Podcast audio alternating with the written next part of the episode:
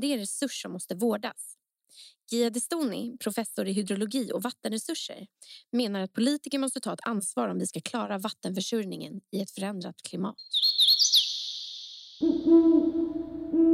Ja, Nikita, idag står vatten på agendan. Det är ju någonting som eh, alla har en relation till. Vad är din relation till vatten?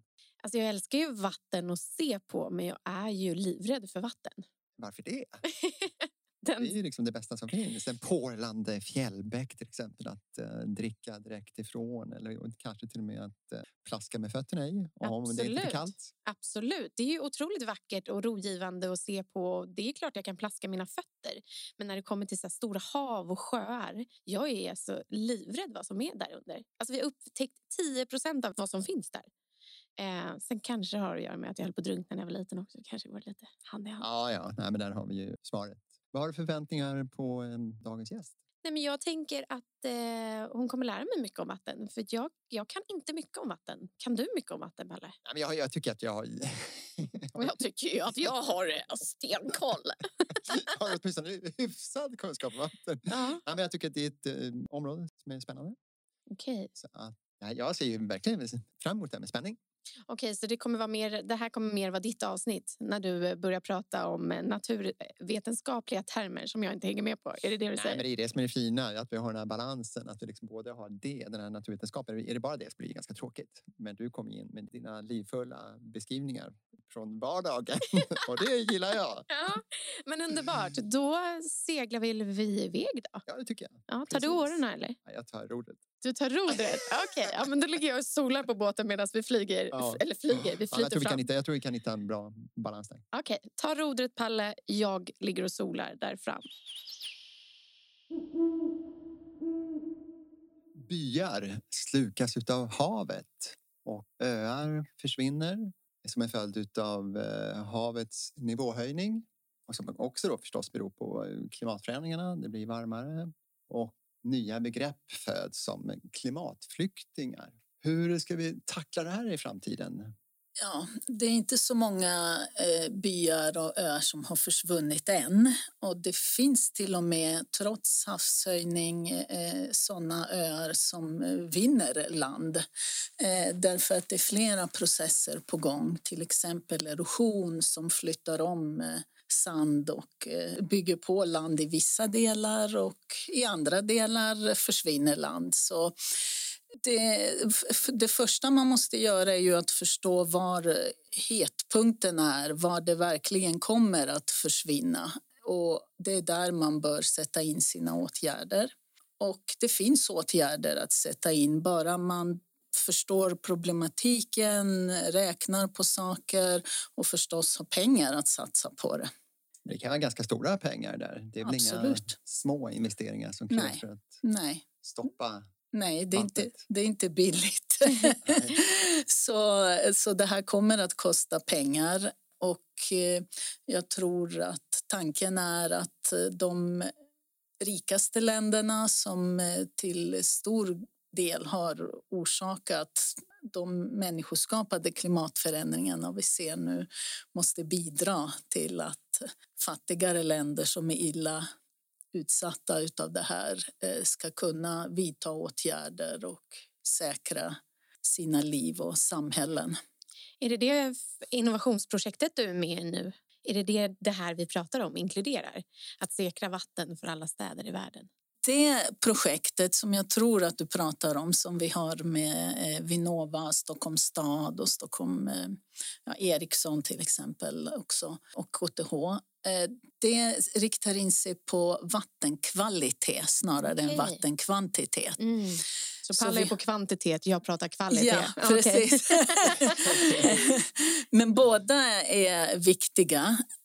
För till exempel här i Sverige tror jag att vattenkvalitet är det vi behöver tänka främst på. För vi är inte så hotade av vare sig svåra och frekventa torrperioder eh, eller ja, översvämningar är vi kanske lite oftare. Men ändå, det är mest vattenkvalitet som är problematiken för vårt vatten här och hur vi ska åtgärda det. Det är också ett problem som har byggts på under lång tid. Årtionden eh, har vi förorenat vatten och eh, det kommer tillbaka och biter oss nu. I ändan. Men kan det handla om, till exempel jag tänker på Mälaren som ju är en jättevattenreservoar för eh, Stockholmsområdet. Kan det finnas problem även där eller är det grundvatten, grundvattnet? Det är både och. Eh, Mälaren är ju i princip den enda vattentäkt, ytvattentäkten, den enda stora vattentäkten för hela Stockholmsområdet, två miljoner människor ungefär. Vi har någon liten reservvattentäkt men den räcker inte länge och E4 går rakt eh, bredvid den också. Mm. Ja, ja, men det, den känner jag till förstås. Ja, Bornsjön. Ja, exakt. Born, och där får man inte ens bada. Ja, men E4 går ju där och allt som rinner av från ja, den. Ja, exakt. Så att man kan tänka sig att den blir ganska skitig ändå. Ja. Nej, ja, den är nog ren ändå, men den är liten så det räcker inte länge. Eh, och sen, eh, så det är väldigt sårbart helt enkelt. Och vi har ju båttrafik, vi har allt möjligt runt Mälaren. Men det är också klart att eh, det, ja, det bevakas och övervakas och, så. Så att om det händer något eh, så ska vi ju bli varnade i tid. Men det är sårbart. Och, då, och sen grundvattnet är det som föder in till stor del till alla våra ytvattendrag och sjöar som sen samlas ihop i Mälaren. Så de hänger ihop, de här vattnen. Vi tar inte mycket grundvatten nu och problemet är att skulle vi behöva extra vatten och ville då ta grundvatten så tror jag att vi kommer att finna stora delar av det ganska förorenat. Mm. Men, eh, så det går inte att bara använda rakt av. Men det gör nästan inget vatten nu för tiden. Även, det är inte så att eh, det bara pumpas upp och sen ut. Till, ja, man måste rena även man måste rena Både grundvatten och ytvatten måste du rena innan du eh, distribuerar ut det till användarna. Så hur mycket förorenat vatten du har eh, och med vilken typ av föroreningar och vad som sen kommer ut i kranen beror på vilka reningsåtgärder och vilka föroreningar man kollar för i vattenverken och vilka man har utrustning att hantera. Och det är inte alla, man kanske tror det, men så är det inte. Nej. Det är något urval. Och, men jag tänker, vi är ju väldigt mm. många som tar det vattnet vi har i kranen för givet. Mm vad ska vi göra för att man inte ska... För vi lever ju vad ska jag säga, i Sverige som du är inne på. Vi har inte samma typ av utmaningar i andra länder när det kommer till rent vatten. Mm. Vi har ju liksom fötts upp med att vattnet är, det kommer ju kranen, jag kan stå och duscha, jag kan borsta tänderna, jag kan gå ur duschen. Alltså, vi mm. förbrukar ju väldigt mycket vatten. Mm. Borde vi ta det för givet? Nej, det borde vi inte göra. Eh, vi borde varken ta att det finns tillräckligt med vatten och ännu mindre för givet att det tillräckligt, att det alltid kommer att vara tillräckligt rent. Det kostar att hålla det rent. Det kostar att få det där vattnet i kranen.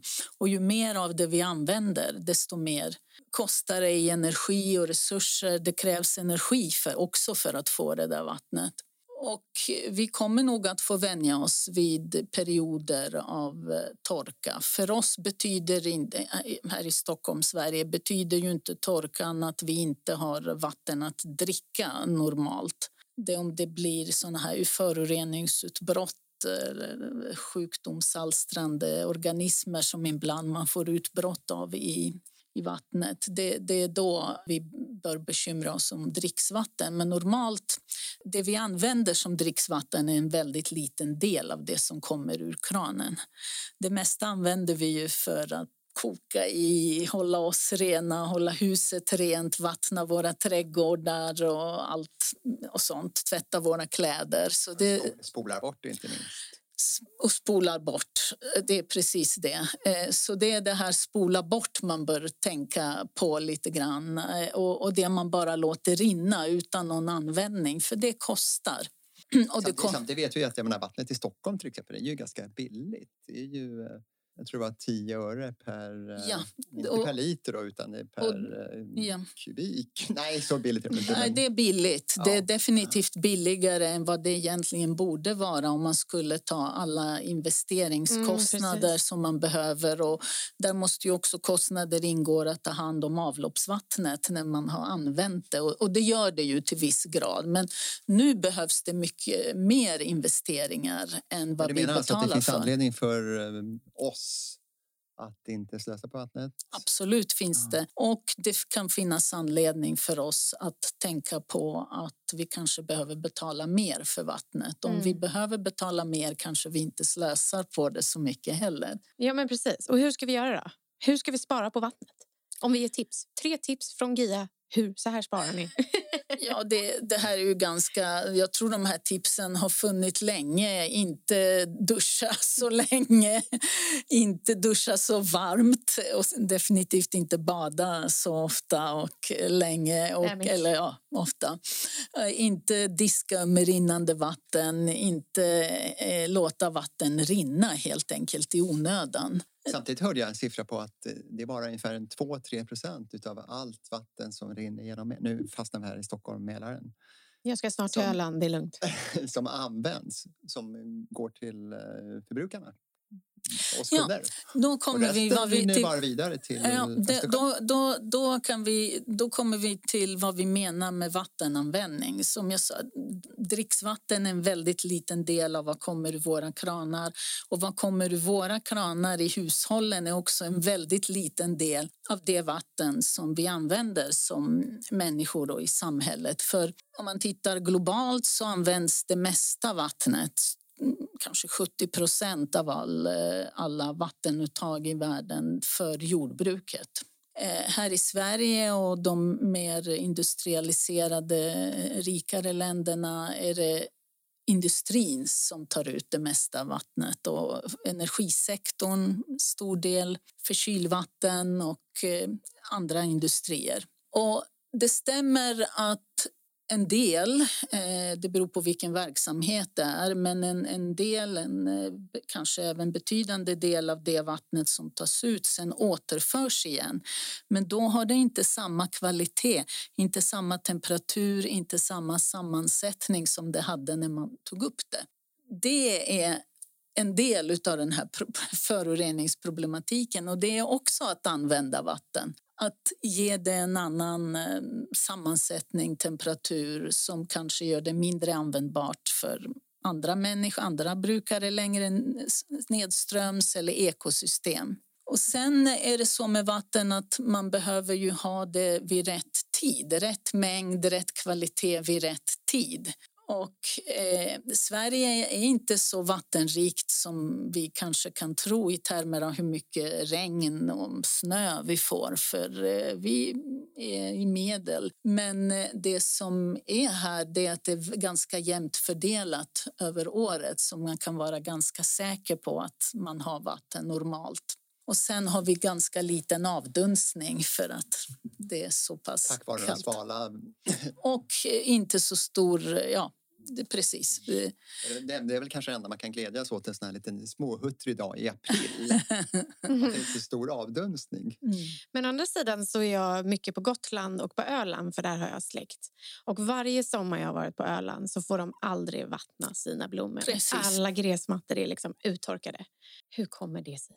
Varför händer det oftare Jo, för dem än för oss? Det, det, har att göra med de naturliga förutsättningarna. Eh, vilken typ av berggrund och mark man har. Man har eh, kalksten där så vatten rinner undan. Grundvatten rinner undan mer eh, mot havet. Och ja, det är de naturliga förutsättningarna helt enkelt. Och det har att göra med den här tidsfördelningen av regn. Och så har det att göra med stor turism under den tid på året där det finns mindre vatten. Mm, ja.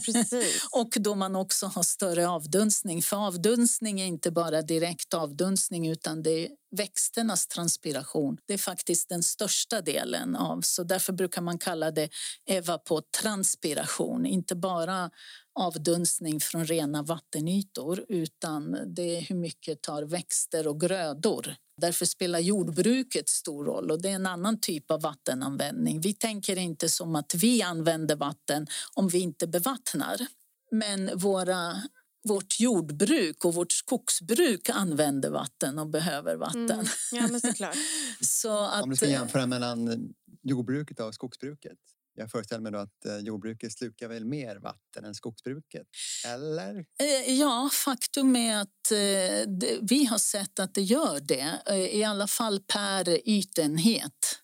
Du måste tänka, menar du totalt och hur mycket skog och hur mycket jordbruk finns det? Men per ytenhet eh, har vi, vi har studerat just det över Sverige och vi har sett att jordbruksområdena använder det i, i, i särklass största mängden vatten för transpiration då, per ytenhet. Nästan lika mycket som om det var ren vattenyta som det avdunstade från. Och skogs, skogsområden områdena ligger eh, lägre per enhet så att säga. Så när man intensifierade här i Sverige jordbruket, både utökade och intensifierade så att man fick eh, mer material då per yta, så då ökade man den här transpirationen ganska ordentligt och minskade avrinningen till vattendragen i medel. Och det gör ju de områdena mer sårbara för de klimatförändringar som nu också kommer framåt. Så att som det ser ut kommer det att bli mer torrperioder. Men parallellt har man också förändrat hur mycket, alltså den här tidsfördelningen av avrinning och vattentillgång, eh, alltså det varierar mer kring medel. Och det betyder både större risk för mer eh, frekvent torka och större risk för översvämningar, för det varierar åt båda hållen. Det är som att vi byter, kan byta land då, tänker jag. Alltså när man ser på så utrikesnyheter, man bara ja, det är tur. Vi lever i Sverige. Sen bara, nej, nu kom det hit. Är det lite ja, så det kan vara? Nej, det kom hit, men det ja, betyder precis. inte att det har gått bort från någon nej, annanstans. Nej, nej. nej. I know, I know. Men det är underbart, höll jag på att säga. Det betyder bara att vi sitter i samma båt, ja, men, men ändå precis. säkrare båt här. Ja, det är inte lika mycket stormigt på vårt vatten, men vi sitter ändå i samma båt på något sätt kan man säga.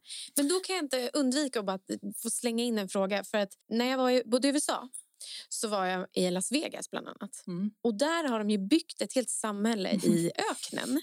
Vilket betyder att de måste transportera mm. väldigt mycket mm. vatten. Mm. Det kändes ju som att det var mer klimatpåverkan av att frakta de där kubikerna av vatten hela tiden. Ja, absolut, absolut. Det är jättestor påverkan av de här. Det är dammar, det är mm. kanaler, det är bevattning, det är allt. Så, så där slår det riktigt, att man har ändrat förutsättningarna riktigt ordentligt. Ja, precis. Eh, både börjat, eller håller på att tömmer grundvatten eh, som strömmar långsammare och därmed inte förnyas lika snabbt. Som... Så det finns i alla fall grundvatten där i, i Las Vegas? Det finns Nej, grundvatten överallt. Mm. Överallt. Det finns ingenstans där det inte finns grundvatten. Frågan är bara var nivån ligger. Ja, så där ligger det ganska djupt. Men man kan ändå få upp grundvatten även om det ligger djupt och det strömmar ändå även om det är långsamt. Så, så det kanske är så att de borrar djupare och djupare hela tiden för att få tag på vatten? Ja, men här har de mycket dammar, flodsystem runt om som man överför då till den här storstaden. Hur orolig är du för framtiden när det gäller vattenförsörjningen globalt? Vi har varit inne på här nu att det, det, finns ju vissa områden i världen som kommer att drabbas ganska hårt. Både av ja. rejäla översvämningar eller att eh, havet äter upp land. Ja, jag tror absolut det finns eh, delar av världen som verkar över gränsen nu, Mellanöstern och ja, vissa andra vad gäller torka och tillgång på vatten. Men det finns också många lösningar man, som man kan lösa sin situation i alla fall viss tid. Eh, bara man tänker igenom vad man gör och satsar på det. Man måste ändra sina prioriteringar eh, en del. Att tänka att hur vill vi ha det? Hur vill vi att vårt liv ska se ut framåt och eh, vill vi underminera det genom att använda mer vatten än vi kan för att det ska vara långsiktigt hållbart. Och, vill man inte det så finns det lösningarna, lösningar för det men lösningarna kostar och det betyder att också man måste ändra sig. Kan du se någon, eh, något hopp i det nu med covid när vi verkligen har liksom kravlat upp armarna olika forskningslag tillsammans för att hitta ett vaccin kan man också i det här när det kommer till vattnet och att företag också får upp ögonen för att så här, lite mer mm. planeten i stort, klimatet. Ja, alltså jag tror att företag som behöver mycket vatten har ögonen på det väldigt, väldigt mycket. Men jag tror att det är regeringar som behöver få upp ögonen för det mycket, mycket mer så att vattenresurserna kan upprätthållas på de nivåer man vill ha så att man skyddar sig mot de risker som finns. För att eh, nu pratar vi mycket om, ja, vi har pratat både om för lite och för mycket vatten för man kan ju då få båda. Eh, och man måste förbereda sig på båda och man måste se till att eh, fördela den här resursen på ett rimligt sätt så att det inte bara de som har råd att köpa sig vattnet dyrt som, som får tillgång till rent tillräckligt med rent vatten. Jag tror inte att marknadskrafter ensamma kan hantera den här situationen utan därför måste regeringar och beslutsfattare på olika nivåer prioritera den här frågan och planera långsiktigt och reda ut vart man vill och förstå förutsättningarna. Det kanske man måste göra tillsammans för att eh, nå framgång i vattenfrågan. FN har ju ett av FNs mål är ju... Nummer sex. Nummer sex var det till och med.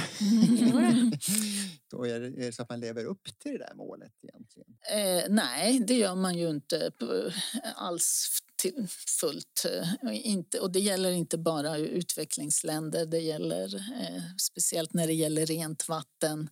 Inte bara för eh, eh mänsklig användning utan också för eh, ja, allt liv och ekosystem mm. och så vidare så gör man ju inte det. Sen eh, det där eh, mål 6 är helt fokuserat på vatten men vatten kommer in i många andra mål också vad gäller hälsa, vad gäller tillräckligt med mat, mm, matsäkerhet, eh, energi mm. kommer det in på och klimat kommer det in på för det är inte bara klimat som påverkar hur vatten cirkulera påverkar också klimatet. Så det går åt alla håll. Helt Men jag tänker så här, hur ska vi nå dem då? Ska vi slänga in dig i riksdagen? Kan inte du prata för dem? jag ska till riksdagen, ska eh, faktiskt ja. Eh, till miljö och jordbruksutskottet eh, nu på är det övermorgon och prata just om vattenfrågor. och de har ställt ett antal frågor som jag och någon mer forskare ska försöka svara på. Vad vill de veta på. undrar man ju. Ja, de hade nästan exakt samma fråga som ni om hur vi ska kunna säkra tillräckligt med vatten och tillräckligt rent vatten framåt. Sen Eh, vattenföroreningar har, frågar de om. Eh, och vad var det mer? Eh, det är ju en ära. Ja, absolut. Alltså få komma absolut, dit och prata för absolut. de där kavajhöjdarna som jag brukar kalla dem, livsknutarna. Ja. ja. men gud vad bra, då är vi i mm. alla fall på rätt väg mm. känner jag. Och när vi ändå pratar om väg så tänker jag att vi ska gå vidare på en ny väg.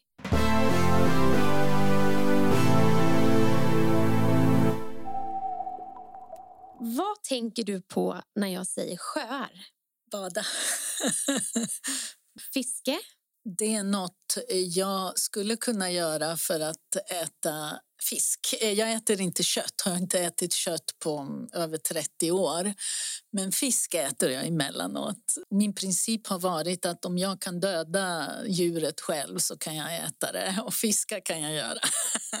Så fram med fiskespöet helt enkelt? Ja, men jag gör det helst inte, men jag kan göra det. Du kan göra det. Ja. Kanelbulle? tänker fredagar för det kommer en sån här bageribil till vår, till vår kvarter då jag köper bullar på fredagar. Gud vad härligt. Då kan man unna sig minsann. Just det. Sån bil vill jag också ha. Medelhavet eller Östersjön? Medelhavet. Jag ja, älskar kan... Medelhavet. Och det kan man ju förstå med tanke på ditt eh, grekiska ja. ursprung. tåg eller båt? Jag älskar tåg eh, och nu i covid-tider eh, sätter jag mig inte, i alla fall inte på någon stor båt. Däremot segelbåt. Solsken eller regn? Jag tycker om regn, jag tycker inte om när det är för varmt. Så det svenska klimatet passar dig ganska bra? Det passar mig bra. Ja. Och jag som vill flytta till Grekland. vi kan byta, vi kan bara byta. Ja, det finns delar i Grekland där det regnar mycket mer än här. Det är där jag brukar vara. Det är på västra sidan fastlandet mm. för där finns stora bergskedjor som stoppar upp eh, molnen så att det regnar väldigt mycket där.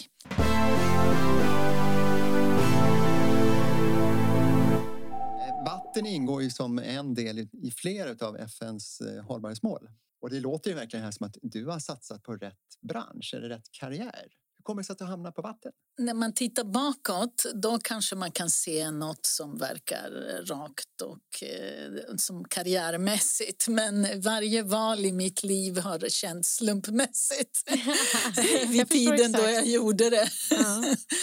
Men jag, jag har alltid varit fascinerad av vatten. Eh, och ja, vätskor men särskilt vatten av många olika anledningar. Eh, och hur det strömmar och hur man kan förstå hur det strömmar och hur det ändrar faser och, ja, det är så, och hur det är grunden för allt liv. Och jag älskar att simma också, så att vara i vatten. Så kanske är det inte så konstigt att eh, jag blev lockad av det. Och sen eh, forska var inget jag hade tänkt på överhuvudtaget. Ingen i min familj har forskat. Ingen i min familj är naturvetare eller ja, så att eh, jag valde det för att jag är intresserad av eh, faktiskt matte, fysik, mm. vatten, strömning mm. och, och, och, sånt. Och sen, eh, blev jag, sen blev jag väldigt intresserad av vatten, olika aspekter av vatten när jag studerade. Så jag tog alla kurser i det för att lära mig mer. Och sen blev jag erbjuden en doktorandtjänst och först då började jag tänka, jaha, vad är det för någonting? Eh, ja, vad gör man då? liksom. Och när jag hade tänkt så såg jag men det här är nog något jag kan tycka är roligt för att jag, jag tror att forska är rätt sak för mig. Du får in allt under samma paraply. Ja, du fick precis. också sitta och räkna men ändå vara lite i vattnet. Precis. Men jag tänker du säger att du gillar att simma. Ja. Det är inte alla som gör. Eller jag är livrädd för vatten. Så du kanske, ja, jag är livrädd för vatten. Ja, jag älskar ja, vatten. Men alltså, jag älskar själva vattnet. Jag älskar att se på vattnet. Jag älskar hur det är och vad som lever i. Ja. Men jag är livrädd för vattnet. alltså så här, för det är så himla oberäkneligt. Helt plötsligt kan man vara på en båt och sen kommer en storm och sen kommer den där Bermuda-triangeln och sen försvinner folk. Och sen, så, och sen så finns det så många nivåer. Vi har väl typ eh, utforskat 10% av världens ja, ja, vatten. Visst. Man har ingen aning om vad det lever där nere. Alltså, ja. Åh, bara simma! Och jag är en och en halv meter. Gäddorna i Sverige blir, kan ju bli 50 cm. Fatta om den kommer upp på min kropp. Nej, men det hör varför jag har panik. Oh, det finns mycket där. Men simningen, vad är det med det? Jag däremot älskar den här oberäkneligheten mm. och eh, att eh, när man är ute så jag tycker om att simma i havet och ut. Inte längs stranden Nej. utan ut. Gud, det var Ja, det låter du är ganska modig. Att det kan komma någon fisk är bara Eller kul. Eller i Medelhavet. Ja, ja, ja. Och vågorna är mycket mindre där ute, om mm. de inte är jätte förstås. Okay. Men, ja. Så det är, bara, det är ingenting liksom du har tävlat i utan det är bara friheten av att känna ja. dig ett med vattnet när ja. du simmar? Ja, precis. Kanske känslan av att vara omsluten av ja, vatten? Precis. Mm. Men då ska det vara varmt eller ska det vara kallt? Kallt. Ja, du gillar kallt? Ja, Så du är inte varmt. Inte varmt. Ja, men visst, det, Oj, jag, jag gör det gärna. jag, jag var ute i Hellasgård, eller Källtorpssjön, eh, ja, nu under påsk och hade med mig baddräkt, inte våtdräkt. Eller så. Jag tänkte, jag, jag, brukar kunna ha badat vid den här tiden men det var inte så, ja, jag har inte gjort det än. Så du vill ändra i? Ja, och jag vill inte in i bastun heller på grund av eh, ja, Ja, covid. Ja. Men du vinterbadar för vaccinet kan man säga, som många nu gör. Men hur kommer det sig att du valde då Sveriges vatten och inte grekiska vattnet som jag vill till? Eh, vatten väljer jag överallt, men, Ja, jag men det. landet valde min familj. Eh, Okej. Jag kom som barn med min familj och det var under eh, juntatiden i Grekland som ja, min, vi lämnade. Min Mm. pappa var militäråklagare och var med i någon försök till motkupp Okej. som inte gick och sen var han tvungen att fly och sen vi efter. Och det här var på eh, 60... Slutet på 60, början på 70-talet var militärjuntan i Grekland. Mm. Vad var militärjuntan för de som inte vet? Eh, Det var statskupp av militären som eh, störtade regeringen och eh, det var i samband med Cypernkrisen som också... Ja, det, det var då det slutade, eh, så att säga. Juntan slutade 74.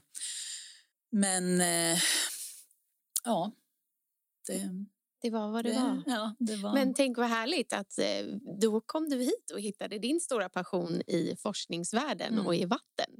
Åker du mycket tillbaka till Grekland? Ja, det gör jag. Det gör jag. jag åker just... Eh, vi, vi har vid Stockholms universitet också en forskningsstation i Grekland. Jaha. Mm. Den har vi på Peloponnesos, det är den här halvön med fingrarna, Mm, södra sidan. Och på västra sidan där. Så där är jag ibland och flera av oss från SU. Men också längre norrut på västra sidan som jag pratade om tidigare. Det är där jag är ifrån och min familj. Det är där det regnar och är relativt svalt jämfört med Är det uppe i. Thessaloniki och de trakterna? Eller? Nej, Thessaloniki är på östra sidan, men det, det är också fint. Men det är på andra sidan de här stora bergskedjorna mitt i. Nej, men gud, jag åker så mycket till Grekland. Jag är där, eller nu får man ju inte vara någonstans heller på säga. Men Ja. eh, Grekland är verkligen, eh, jag Mm. tror att jag är grek i själen. Nej, jag älskar det så mycket. Så eh, när, jag, Mm. när jag har råd och när jag blir äldre så ska jag sätta mig på typ ett berg Mm. där och bo där. Mm, bergen är Ah, underbara också. Det är inte bara... och sen, men sen vill jag ju ha stranden också. Men jag är ju Mm. bara, jag är inte som dig där ute utan jag är lite plaskandes med fötterna. Det man kan fundera på tycker jag däremot när det gäller jordbruket med det vattnet vi har på jordklotet idag, kommer det räcka för att eh, försörja en eh, befolkning som växer dessutom? Man har ju pratat om att eh, GMO behövs för att klara en växande befolkning. Ja, det, det är en utmaning. Det behövs mark, det behövs vatten, land. Så um, hur man ska använda dem och vad man ska använda dem till för att uppnå de här målen, det, det är en jätteutmaning. Och där, där är det bra att tänka på mm, att det finns, kan finnas konflikter mellan de här olika hållbarhetsmålen också. Så beroende på vad man till exempel väljer för väg för att uppfylla mm, energimålet och klimatmålet, att minska eh, just klimatemissionerna och ha förnybar energi så, så får det effekter på vatten och markanvändning både i ens egen region och över världen. För om man till exempel använder biobränslen, biomassa som bränsle eh, från Brasilien eller andra delar av världen med eh, ja, eh, brist på vatten eller inte så mycket vatten som vi har, då bidrar man för att uppfylla ett mål hos sig Mm eh, motverkar man uppfyllande av andra mål i andra delar av världen. Så därför man tänker ofta på vattenresurser som något väldigt lokalt. Men beroende på hur vi använder eh, olika ja, bränslen, material och så Färdmedel, vidare ja, alltså vi från andra delar av världen så påverkar vi deras möjlighet att uppfylla Precis, bara en sån sak som att det går åt enorma mängder vatten för att producera ett kilo kaffe. choklad. Choklad kanske Ah, igen. choklad ja, vi har inte snackat precis inte snackat om jeans. Jeans är det. typ. Hur, hur mycket hänsyn ska man ta till det där när man eh, går och handlar? Ja, jag, jag tycker ju generellt att ja, hur mycket ska man handla egentligen? Det handlas väldigt, väldigt mycket. Och eh, det är klart det behövs för tillväxt och så, men eh, man måste ju tänka igenom lite att precis som hur man använder vatten, hur man använder alla resurser, behöver man verkligen just massor med Nya jeans. Ja, nya jeans. Bör, kan man ha ett par? Måste man och ha tolv? Jätte, jättemycket choklad. Ja, Verkligen. Kaffe. hela tiden. Man Mm. kanske kan an, göra annat. Kaffe och choklad är mina favoriter. Ja, mina också. Kombo. Så där ska man vara lite försiktig. Alltså.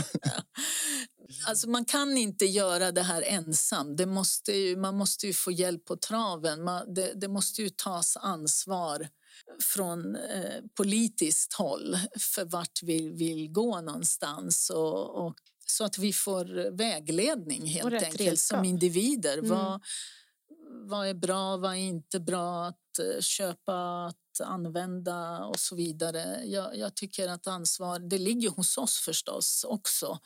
Men var och en av oss är ju inte tillräckligt, kan inte tänka hela Nej, världen kunskapen och måste ju alla spridas om konsekvenser. det. Ja. Alla måste ju få upp ögonen och du sprider ju din kunskap nu här Ja. i Naturvetarpodden. Och sen så kommer du gå upp till slipsknutarna snart och prata med dem. Och på så sätt, det är så man liksom Mm. får en förändring Ja. genom att människor... Ja.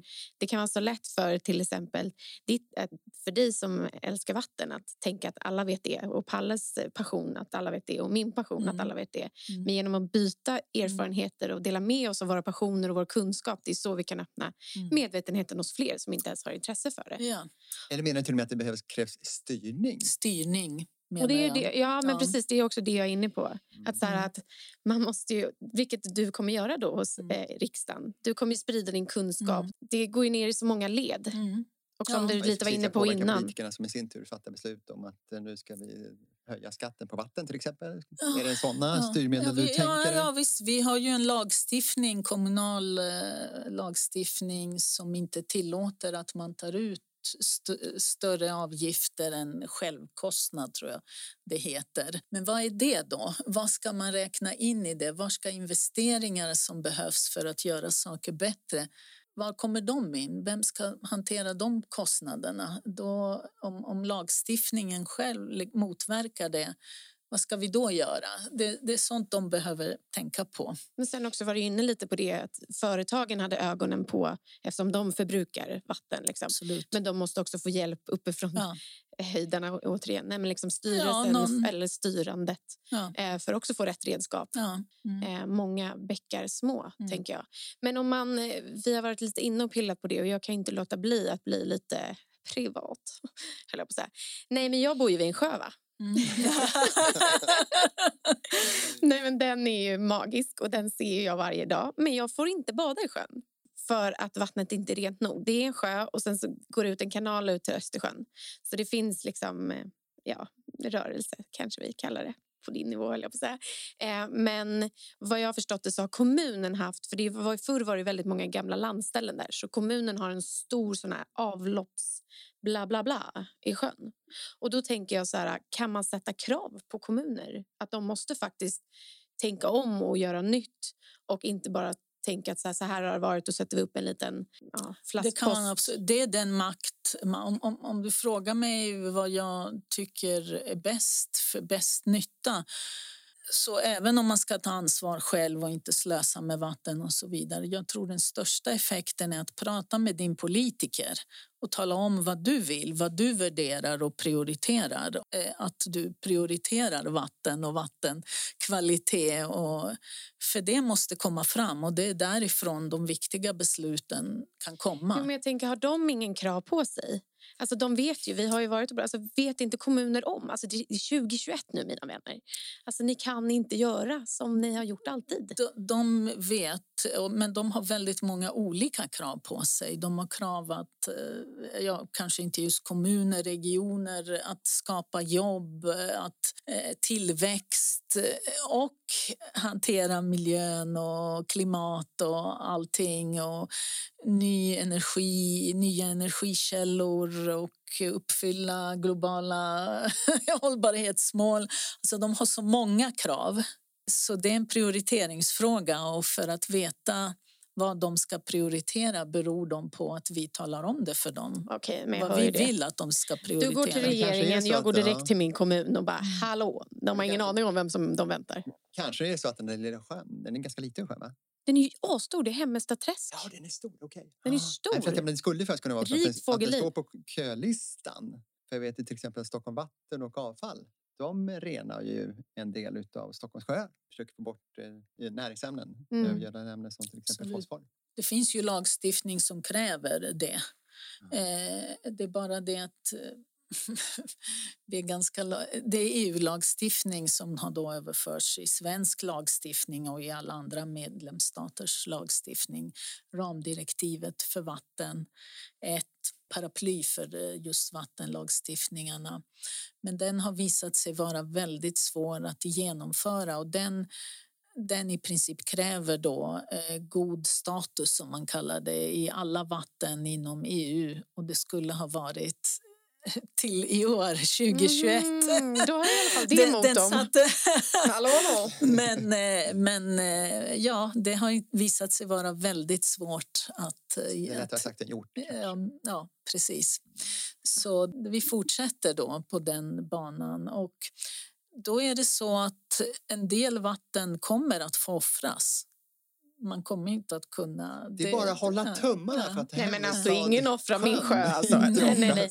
nej, men också om vi tänker på det biologiska som alla fågelskådare är vid det här sjön. Alltså, ni Mm. anar inte vilket rikt fågelliv. Alltså, jag ser så mycket. Ja. Det ger så mycket. Så, Men, men det, kanske är, det kanske fågellivet inte är hotat av just eh, att du inte får... Jag menar, Ja, men det är ju fiskarna. Det kan bli- precis tvärtom. Att de renar vatten så kommer du och badar. Men jag tänker med alla som står där och drar upp fisk. Man bara, det där är bara catch and rele- release. Då får jag ont i hjärtat när jag ser det. För det är ingen som kan äta fisken.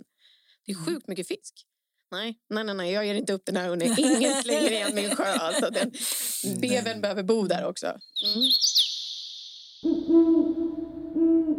Vi har ju fått in lite tittarfrågor. Eller lyssnarfrågor brukar vi säga. Ja, vi, brukar, vi säger alltid Jag fel. Du har, har du någon? Ja, men det har jag nog. Men vi säger alltid fel. Ja, ja, ja, det blir så, det blir Tittarfrågor. så. Ja. Vi känner att vi är på tv nu. Det är det. Jag och Palle. Hej, hej. Precis. Men i alla fall, den är från eh, Leif. Eh, 29 år, bor i Säffle. Han eh, har hört talas om att eh, när regnskogarna avverkas, Amazonas till, Amazonas till exempel, på väg att, eh, jag ska inte säga försvinna, men den minskar ju åtminstone i yta ganska ordentligt. Och att den i sin tur påverkar vattensystemen, alltså genom avdunstning och sen så kan det till och med inte bara på plats utan även på andra håll i världen. Absolut. Så liksom, vilken hotbild kan man se här om man fortsätter att avverka Amazonas? Som Ja, det finns ju många verkar göra? anledningar att inte avverka Amazonas men eh, inte minst djurlivet eh, och växtlivet där. Men allt det är också beroende av vattnen där. Men det är också stå, så stor avdunstranspiration från det området så att det har stor betydelse för också de atmosfäriska strömmarna av eh, ja, vatten eller ånga och var det regnar och var det inte regnar och så vidare. Exakt eh, vad kommer att förändras beroende på hur mycket och var man avverkar. Det, det är en, for, en aktiv forskningsfråga. Man, vi tittar just på sådana här saker. Om man förändrar det här och där och där, vad kommer det att betyda? Så jag kan inte svara rakt av vad kommer att hända men att saker kommer att förändras. Kretsloppet kommer att förändras, inte bara där på plats utan för andra delar av världen. Det är helt klart. Det är riskabelt. Ja, Ändå inne på det här med atmosfäriska strömmar. Även eh, havsströmmar. Nu tänker jag förstås på Golfströmmen. mm. Som jag, jag vet inte om du har varit inne och kollat på den? Jag har inte tittat eh, särskilt på den. Det gör de oceanografer. Jag är hydrolog, då vi tittar på vattnet på land i Mm. stort sett. Men eh, oceanograferna i havet. Men det är absolut en risk, en hotbild där också som har stor betydelse för oss här i Sverige. För vi har det klimat vi har som ändå är väldigt behagligt på grund av Golfströmmen. Och annars skulle det vara mycket kallare här. Då har jag Och min den kan vi inte påverka mer än att eh, se till att eh, utsläppen av växthusgaser... Det är klimat, ja. Ja, exakt. Mm. Då får jag nu, eller? Ja! Men jag hörde att du har ju liksom frågat ålder och grejer på dina. Det har kanske inte jag samlat ihop, men jag kan nog gissa hur gammal hon är. Men det är ingen Leffe i alla fall. Det är Louise, 34 år tror jag. Mm. Mm, ganska jämnåriga. Ja, faktiskt. Mm. Mm. Eh, hon undrar, Om jag blir vilsen på ett eh, öppet hav, höll jag på säga. Simmar vilse på Om jag simmar vilse som Gia. Gia är på väg till Medelhavet och hon simmar bredvid. Eh, Nej, om man är i fjällen så har man alltid lärt sig som barn att man kan dricka direkt ur bergsvattnet. Stämmer det fortfarande? Alltså jag är jätteledsen att ha hört att det gör det inte. Eh, därför jag var på något vattenmöte för ett par år sedan uppe i Kiruna där vi just diskuterade genomförandet av de här lagstiftningarna och vad det betyder där. Det var där och runt Arktis egentligen var det. Och då sa kommunansvariga för vattenfrågor där att tidigare kunde de gå ut och ta med sig sin Kåpa. och, och liksom ta vatten och dricka. Och det, det kan man inte göra längre. Det gör de inte längre. Och man ska komma ihåg att det har varit gruvdrift där väldigt, väldigt länge. Och det är inte utan konsekvenser vad gäller vattenkvalitet. Och det finns de här gruvdammarna och så som eh, man använder vatten som en åtgärd. En teknisk åtgärd. Man täcker de här restprodukterna från gruvdriften med Mm. vatten för då kommer inte syre in och kan oxidera materialet, eh, metaller. Och, eh, men de där håller inte speciellt bra. Det rasar såna här hela tiden och de håller inte tätt. Och, eh, ja, det, var ny, det i Florida. Det var bara igår. Om, om du tittar på, följer nyheterna så är det varje månad någonting sånt. I Florida är det nu en sån här gruvdamm som eh, under risk att rasa. Och då har de fått tappa ut jättemycket förorenat vatten Oj. ut, rakt ut i, och hota deras vattentäkter och kuster och allting. Så tiden är förbi. Alltså återigen, det känns som att vi kommer till det här. Människan har förbrukat Moder Jord. Det är det vi kan säga. Det är väl... Ja, vi är kanske inte riktigt, riktigt där än. Vi ska inte vara för dystopiska. Nej, men... men, det är väl ändå så att man är, är man på eh, ovanför fjällstationen i Kebnekaise så kan man ju dricka vattnet. Så, så, Mm. så är det ju. Det har jag gjort många gånger. men inte i Åre liksom. Ja, nej, Inte men däremot, kan man Kiruna. däremot nedanför fjällstationen. precis. I och för sig så tror jag att just i fjällstationen Kebnekaise de renar vattnet ganska bra. Mm. Men däremot finns det andra fjällstationer där man inte kan dricka Mm. nedanför för att eh, Mm. fjällstationen skitar ner vattnet Ja, själv. Ja, Ja, Mm. precis. Vi har ju en forskningsstation där också vid Stockholms Såklart, inte universitet. bara i Tarfala. Nära Kebnekaise, eller vid Kebnekaise. Det är ju Ja, du menar Tarfala? Tarfala menar jag. Jag kommer inte ihåg om jag, jag... Jag kände att jag kunde dricka vattnet där. Men det är inte så många människor där som kan... eh, som är där. Eh, Jag tänker mer där människor är. Ja, för att jag menar, vatten som faller från himlen är ju fortfarande, speciellt om det renas. Ja, men det är ju så Mm, länge man måste stå då med tungan så här, som du är uttorkad. Hoppas på regn liksom. Ja. Men då har man lärt sig knep. Man ska ju ta från löv och grejer. Men eh, Tacka Gia Destoni så jättemycket, professor i hydrologi och eh, vattenresurser på Mm. Stockholms universitet. Mm. Åtminstone har jag blivit eh, betydligt klokare på den här stunden. och inte minst eh, när det gäller hur vattnet rör sig i Mm. atmosfären. Mm. Och eh, även hur vi kan rädda vattnet för framtiden. Mm. Det finns ju hopp. Det finns alltid hopp. Ja. Just det, precis. Även om klimatförändringarna lär ju fortsätta. Mm. Men trots det så Mm. finns det möjligheter. Både för vattenrening och att rädda byarna som Mm. är på väg att översvämmas.